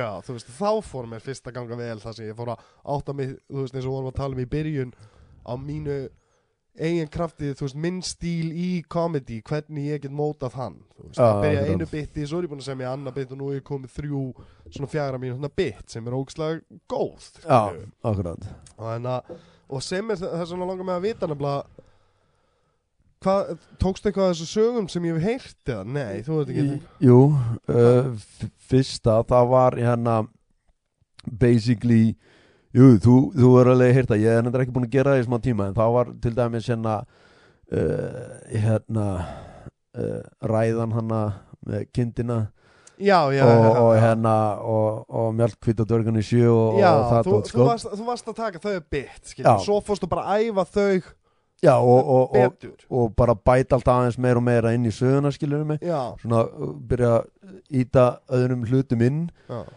og fyrsta skipti sem ég gerir það sem sagt þá hérna ég man að uh, man að Þóraldur var að vinna nér á Secret Seller þá sko og hérna og ég var svona smá kvíðin ég bara, hvað, shit maður, veist, er hann að fara undan mér eða eitthvað sko, það, það er ekki gott sko. Hen- Þóralli Þóraldsson einu pokasins, hann kemur í næstu viku. Ógeðslega fucking fyndin gæði sko. mjög fyndið maður. Ógeðslega fyndin og, og Arnór var að, var að hósta. Bæða við líka, góðu vinum pokasins ógeðslega fyndin líka. Mjög fyndin Mauricio, hann elskar að drulli yfir hann. Uh, Sangat Mauricio þá er, er, er Arnór ekki indislega bara the worst man human being Og on líka- life. Já, í gær. Var það líka. Og Þú veist, Arnór er ekki alveg I'm not really angry. Okay, og We know. Elvar, stop enabling him. Þetta leið honum að gera þannig að það voru algjör fáið og sem segja bara, nei, ég er ekkert að ég er bara að djóka. Já, og ég eini sem er alveg já, já, þetta er að heldur bara. Já, Mauricio bara Elvar fucking hættu Það var ógeðslega gott já, og sem sagt ég fer, sem sagt uh, man ekki númi hvað ég var í rauðinni en það voru nú ekkert rosalega margir þetta var náttúrulega hann á miðgutum sem við erum alltaf bara með open mic. Já, sem Og- búið að springa bara Við gjörsanlega það- 15 manns í gær sko. Við vorum, Nei, 16 Já, við vorum Jú, 16 jú, jú, og það er gaurinn Addaði sér inn hann Chris. Já, hann Já. addaði sér inn. Og, býtu, það kom einhver annar Þetta eitthvað Davíð kom líka inn. Jú, hann, var ekki, hann var ekki sænaður upp var í byrjun. Þannig að við vorum alveg 16-17 já. í gær. Það er fáránlega mikið sko. Já, hvað var það mesta, mesta sem við verðum 22 held ég, 21 21 held ég já, Já. 21 held ég að hafi verið sko, það var líka, þá var bara kötta tíman okkur niður í þrjárum mínútur sko. Já, það var, var ros, rosalegt kvöld maður ekki það að það fannst mér líka gott var fyrsta skipti sem ég var látin taka þrjárum mínútur eftir það kvöld, þá var ég fengið til að koma fyrsta skipti á föstu degi til að taka guest spotið Já, já, akkurat. Og þá var ég tilbúin með þrjár mínúti til að geta tekið gestspotið þannig að, það, það var lán í óláni. Já, þú veist, þú veist að maður er búin að hugsa fimm mínútur. Jú, jú. Svo þau var að tvær mínútur að fuck, en þessi saga er þrjár og halva mínútu hvað ég, þú veist. Já, akkurat, það er akkurat svo, það er svo fyndið að hérna En þú varst seinast við samt þá Þannig að, þannig að þú hefðir alveg getað að fara í fjórar En nema bara það, það var að koma nýr dagur og já, þetta var svo seint að, að þú, þú veist, ég náði alveg krátinu. Ég, þú veist þá, ég náði í með mér og Já. það var það sem, þú veist, leta virka í það að ég gætt komið á, á föstu degi, ég, þá, þá sást að ég gætt í raun og veru performað fyrir fólk, þú veist, það var svona fyrsta almennilega setti mitt. Þess að þrján mínútur. Og en að og, og en þú veist við vorum orðin samt þreytt. Þannig að ég vissi að ég ætti að fara neitt lengur en þrjár. Nei, nei. Þú veist, það er, þú veist, maður þarf að taka ákvörðun stundum um, ok, fólk er orðið þreytt. Ég næði þeim til að vera með mér í þrjár mínútur, ef ég fer upp í fimm mínútur þá byrja þau að vera þreytt aftur. Í staðan fyrir að taka power og taka biti mitt sem er mínútur. Akkurat. Í staðan fyrir að vera tvær veist, og jáfnvel ekki náði með eins og tapa þeim alveg á fyrstu tvei mínútum og fara síðan í bitið hefði getað fokkast upp bara sko. já, ekki sannlega og, og, en ég man þegar ég tók fyrsta bitið mitt, sko uh, Ég hef heyrt að, að, að margir sem taka fyrsta bitið sitt Þeir eru ekkert mikið að auðlista það, sko. Vilja ekkert fá kannski allt og marga af vinni sínum til að horfa á það, sko. Ég fór ekki eins að segja fólki að tala um það í þættinum fyrir en að ég var búin að vera í, fyrir en að ég náði Já, ok. pröf- fyrir en eftir þetta Já, í ok. raun og veru, þegar ég byrjaði að vera bóðið að koma á föstudöfum líka og svona Já, þú ég, veist, ég, ég, sagði ekki neinum.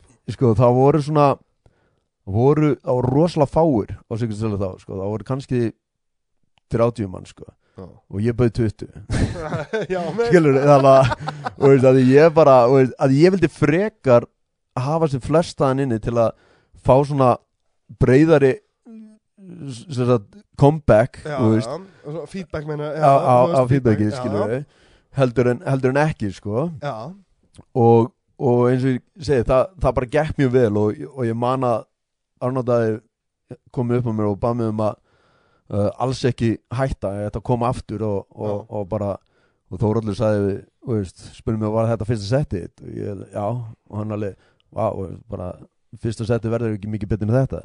En síðan, en síðan þegar ég horfa á það núna í dag sko, þá er það, veist, það er mjög gaman að sjá það að þetta var kallað gott, skilur en þegar ég horfa á núna þá er alveg fullt af dóti sem ég er bara, wow, ég er að fokka upp þannig ég er að fokka upp þannig, sko.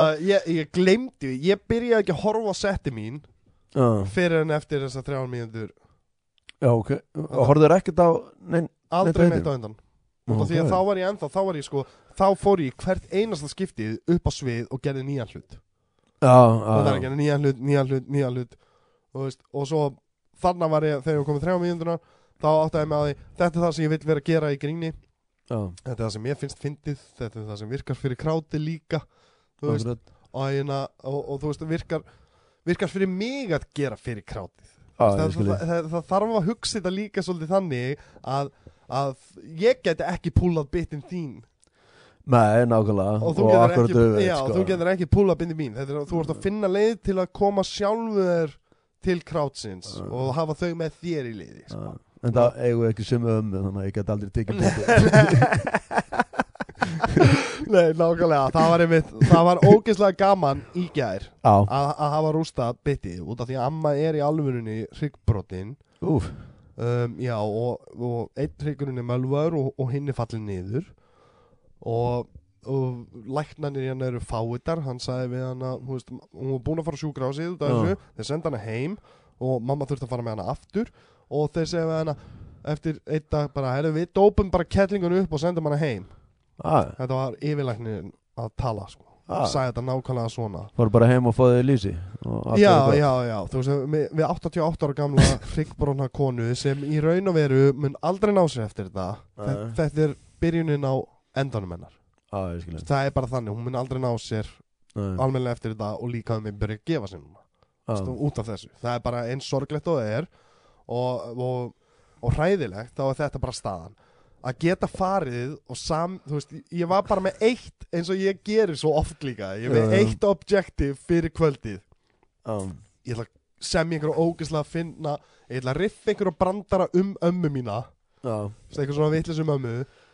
Bara til að geta þetta gert það og þá get ég, þú veist, og, og þá, þá mun ég alltaf, þú veist, geta haldið áfram þú veist, ég get alltaf bútið nýja og nýja brandara og nýja sögur. Já, um ömmu mína en þá er það svona hlutur af komedíinu mínu veist, að, að grínast með eitthvað amma mín var hörð kona, veist, amma mín er mesti nagli, ég, það er í alvegni satt hún er mesti nagli sem ég hef kynst í lífinu mínu. Ok. Og þannig að og að vera þetta, að, að þetta er mín leið þú veist, ég finn alltaf svona leiðir sko, uh, til að heiðra fólki sem er mér nánast sko. Skilji ástæðan fyrir ég er grínistóri að gera þetta er út af því að um, einn besti vinur minn sem dó árið 2011 Já, var finnasti maður sem ég þekki. Ok. Og þannig að ég ákvað að heita lífinu mínu þannig að vera alltaf að sækjast eftir punchlineinu eins og hann gerði skilur, Já, veist, eins og ég hann skil. var fyrir mig í lífinu bara finnast maður, þannig að ég ætla að og það er mín leið til að heiðra Já, þetta er mína látnu og, og mína nánu vini. Já, ég skilji Það er, það er mjög, mjög fallegt. Já, það, það er líka bara sko út af því að fólk syrgir og svona Já. eftir að ég fór að hugsa þann svona þá fór döðin ekki vera eins erfiður út af því að það hjálpa mér að halda fólkinu lífandi með mér. Já, Skilji. þannig að það fer aldrei frá mér nei, nei. ef ég tek einhver aspekt sem ég elska við fólki sem ég missi og, og, og, og aðlagast það því lífinu mínu. Já, ég skilji. Já, þannig að ég vildi að ég væri með svona fallega sögu af hverju, af hverju ég fyrir upp á sögu sko. en það er náttúrulega bara að þið mér langar í alla aðtildigri sem ég get fengið og... Já, lítill líður líka Ég er líka lítill líður Mér va- Mér vantar ást eitthvað staðar að það sko, sem er svo fyndið út af því að ég á bestu konu í heimi líka. Að þú veist, ég, er bara, þú veist, ég er ótrúlega heppin bara með dóttir og, og konu. Já, bestu konu í heimi alla ásið þar bara, þú veist, líður alltaf vel í kringum hana og, og bara indislegt um, samt þarf ég að fara upp á svið. Það, er, það er ekki nóg. Ég verð að fara upp á svið og fá ást frá öðru fólki heldur en henni. Við erum svo furðulegi grínistar sko. já, já, alveg. Hva, hvað er í framtíðinni? Í framtíðinni? Já, það er náttúrulega það, mann langar að taka þetta þegar, þegar maður fattaði sko eftir ég tek fyrsta setmið þá fattaði ég svona að ok uh, þetta er, er greinlega eitthvað sem ég get gert. Uh, þarf bara að æfa mig í þessu og hérna og þetta er alveg drullu gaman sko. Og eins og þegar fólk spyr mann og veist, að ertu ekki, ertu ekki hrættur um að bóma? Það gangi ekki vel skilur og engin hlær og eitthvað. Og að sjálfsögðu þetta gerst en ég er bara búin að fatta það að sko sko líðan þegar þú killar hún dekkar út sko tíu bombing sko. Þú veist, þú veist, þú myndi alltaf, ég myndi alltaf ef ég vissi að ég myndi killa í, í tíundags hver skipti, ég myndi fara í gennum þessi nýju bombing bara til að fá þessa tilfinningu þegar þú killar Það er nefnilega, þú veist, það er eins og ég segja alltaf, er, mér gengur best eftir að ég er búin að báma Þannig ég, ég báma í þetta skiptið næsta skiptið þá kem ég með fucking A-game nákvæmlega. og ætla ég ekki að fokka upp og mér gengur alltaf, be- alltaf bestu setti mín veist, eftir setti sem ég bámaði Já, það er bara fáraleg og við, hann að ekkert vorum með, með sko, við vorum með bölvun já, í alveg tvo mánuði eitthvað. Veist, í, í tvo mánuði. Það var, ef mér gekk vel þá gekk ekkert ítla ef Yep. ekkert, gekk vel þá gekk mér ítla og það var ekki fyrir en á laugadaginn nei á föstudaginn og þá gekk báðum ítla á föstudaginn já, já, Já. Þá, þá allt innu, já, þá gekk okkur báðum ítla já, gekk okkur báðum ítla og svo á laugadaginn gekk okkur báðum vel. Þetta er ógeðslega fyndið og, og síðan í gær gekk okkur báðum vel. Já, um, kannski Og- er það bara út af því að við erum að verða betri sko.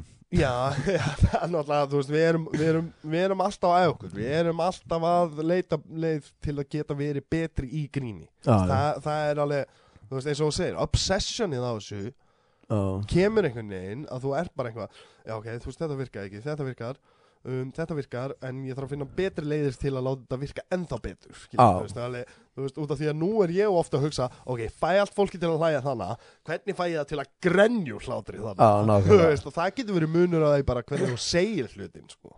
Já, Þú veist, það er nefnilega, það er svo skemmtilegt við þetta já, bara hvernig þú segir það tónin í röddinniðinni þegar þú segir það hvernig bara andlitaður er hvernig líkansbeitingin þín er allt, allt þetta dæmi getur tekið eitthvað úr því að vera fyndi og fólk er að brosa yfir það að fólk er sko nánast að standa upp og klappa fyrir þér sko. Já, já, Þú veist, algjörlega. getur verið sama konseptið sem þú ert að tala um og bara sagði það aðeins öðru og, og, og, og þú notaði röddina aðeins betur og þá bara er þetta orðið allt, allt annað sko. Algjörlega, ég, ég var einmitt sko, þú veist, bara pönslænið í ömmusögunni minni Já, í Þú veist, ég, ég, ég, ég kvíslaði hana og það fucking killaði að, hafa- að bara, þú veist, ég hefði sagt hana venjulega og náttúrulega ekki verið eins fyndin. Nei, alls ekki, sko. En út af því að ég er svona kvíslaði hana að þá grenju allir og hlátur yfir því sko, veist. og líka, líka posið sem þú tókst áður hún kemur já, það er búið að vera þögn og síðan kemur svona smá kvísl. Skilu, það, það bara breytir öllu bara andrúsloftinu og öllu hvað er að gera Það, sko. þetta er nefnilega, þetta er svo fáránlega skemmtilegt kraft og þetta er eina krafti sem verður betri með því að æfa þig Eh, Nei, með því að fara på svið segi ég. Já, Þú veist, þú verður bara betri með því að hafa sviðstíma já, ég meina þú, þú æfist ekkert við það að standa heima þér upp á stól fyrir frá speil sko. Nei, það, er, þú gerir- getur alveg gert það til að æfa Jú. þig sjálfur og sjá hvernig það heyrist en Já. þú veist ekki neitt fyrir henni komið upp á Já. svið og sér fólkið Já, Það er bara þannig, sko. Þú veist ekkert hvort að þetta, hvort að þetta virkar eða ekki sko. Nei, að uh, ég vil, ég vil benda á það að það er öllum velkomið að koma og prófa á open mic Já, á miðvíkudum klukkan 9 sign-ups eru byrjuð klukkan 8 sem sagt skráningar eru byrjuð klukkan 8 það er öllum velkomið að koma. Um, við viljum sá sem flesta því stærri sem þessi yðnaði verður því betra er fyrir alla. Já, og þannig að við erum að fara við þurfum að fara að slíta, við þurfum að fara að, að koma okkur hérna og að það er ógslag gaman að sitja að spjalla með þér. Maður. Og heyra bara meira og læra meira um söguna en að hvernig þú endaðir hérna út þetta er alveg, þetta er svo áhugavert. Þetta er eins og Mauricio að koma frá Dóminíska líðvildinu til uh, Íslands. Íslands og, og endaði upp á, upp á sviði og þú körfubolta maður sem ferði í rafvirkjan og endar með einhverju, þú veist, einhverju, tölvu fyrirtæki og ferði bandaríkjan út á koninni og allt er komið til Íslands aftur og endar á Secret Sellers, þú veist, þetta er, ég, ef, ef, ef, það, það einhvern veginn náða að koma mér þangað þá, þá er það bara geðveikt og, og ég held að uh, í framtíðinni maður er ekkert að fara að hætti þessu ég held að þetta sé bara að fara að verða starra og starra og starra sko. Já, þetta er bara það sem ég er að fara að gera þá til í deg Já, nákvæmlega Þú veist, ég ætla bara að vera eitthvað Jay-Leno Have you heard about this? Have you heard about this? Já, hey, hey Þú veist, ég er bara meira en til í það Svo lengi sem ég fæ að fara bara svið 5 mínútur á kvöldi Að láta fólk, þú veist, 5 til 20 mínútur Það er svona, Já. þú veist Það er það sem maður er að vinnað Maður er að búa til nokkra 5 mínútur og púsla en síðan saman í 20 mínútur Svo upp í klukkutíma. Jú, þannig, jú. þannig virkar þessi bransi. Og svo lengi sem ég fæ að gera það og við fáum að gera það með The Secret Seller Jú, sem er á Lækjargötunni.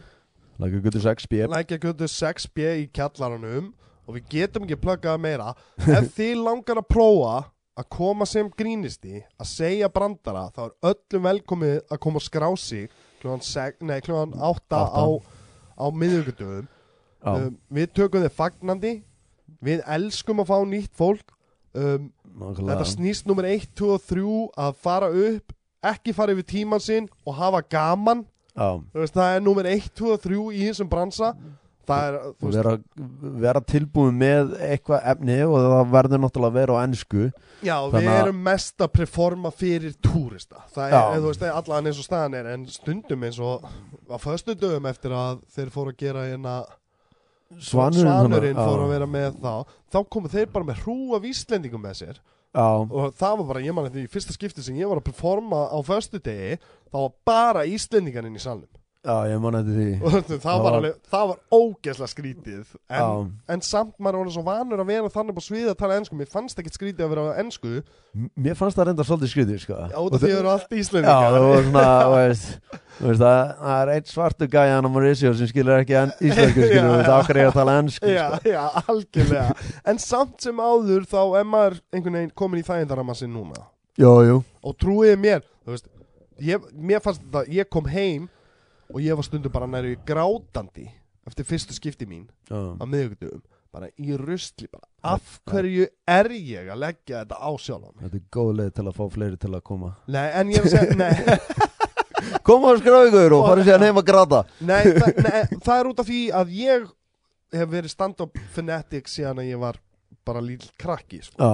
Og bara, þú veist, ég man eftir við áttum Dice Rules á Waff-HS og svona, ú. þú veist, Waff-HS það var Það er að horfa á það sem krakki þau, mamma og pappi, þau áttu þess ekkert endilega á því hvað ég, var, hvað ég var að horfa alltaf þegar ég voru ekki heim út ég var alltaf að horfa Já, ég var alveg sjúkur í sjónvarpið. Ég, ég var að horfa Thriller uh, Dice Rules, Delirious með Eddie Murphy, Raw. Þú veist, ég, við áttum þess að allir bróður áttu þessar spólur þú veist, Já. að ég fæk þær hjá frendum okkur einhver svona. Og ég var að þú veist, síðan stælst ég bara það ég horfði á The Doors myndina með með hérna Val Kilmer það var já, myndi sem komur í uh, vil, gerði mig vilja vera kvikmyndagjara mann ég horfði á hana sex ára gamall einn. Wow Já, þú veist, það er bara hann úti dópar Já, ég er að nákvæmlega. skera sig að ykkur kettlingum og þú veist, það er bara fucked up mynd, ég horfði á hana sex ára gamall einn og ég var bara, út af The Doors voru upp á sljónsettum mín þá. Já, ég bara, wow, veist, og en að ég ætla að vera leikari. Já, akkurat, en endaði sem dópusti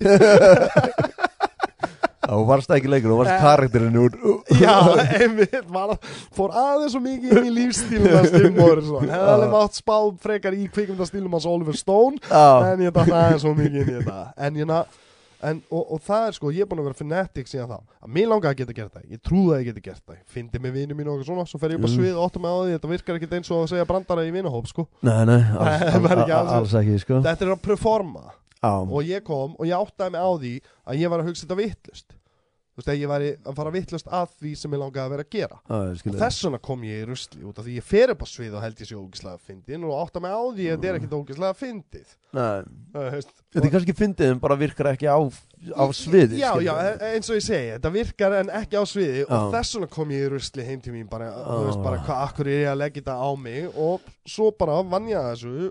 Innan við einum og hálfum mánuði þá var ég búinn að ná að búa til fyrsta biti mitt og, mm. og nú er ég bara að vinna nýjum og nýjum bitum á miðugudum ég ætla að prófa nýtt. Ég næsta miðugudag, ég ætla að vera með nýtt á hverjum einasta miðugudag og það er eini æfingatímin Já, jú, ég Ég, ég held að ég verði nú örgulega ekki með eitthvað eitthva nýtt næstu mikudag þú, er ert að að eða, þetta nýja set. Já, já, en þú ert með nýtt tímin set sko.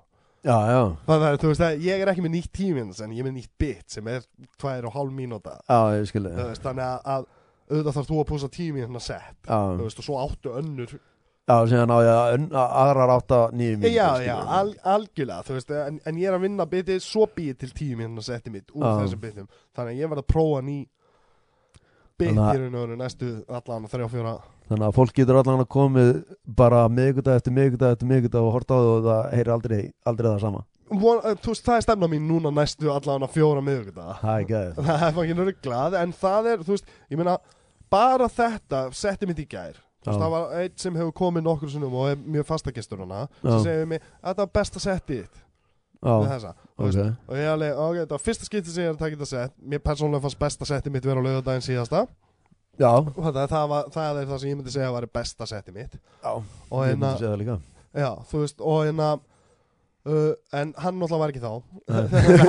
Hann sá ekki, en ég, þú veist, þetta var mjög gott sett sem ég tók í gær. Þannig að ég var bara með einn ásending ég ætla að segja einhver brandara sem veist, heiðrar ömmu mína. Þú veist, ég ætla að segja mér eitthvað bit um ömmu mína út af því að hún er harðasta kelling og ég elska hann út af lífinu.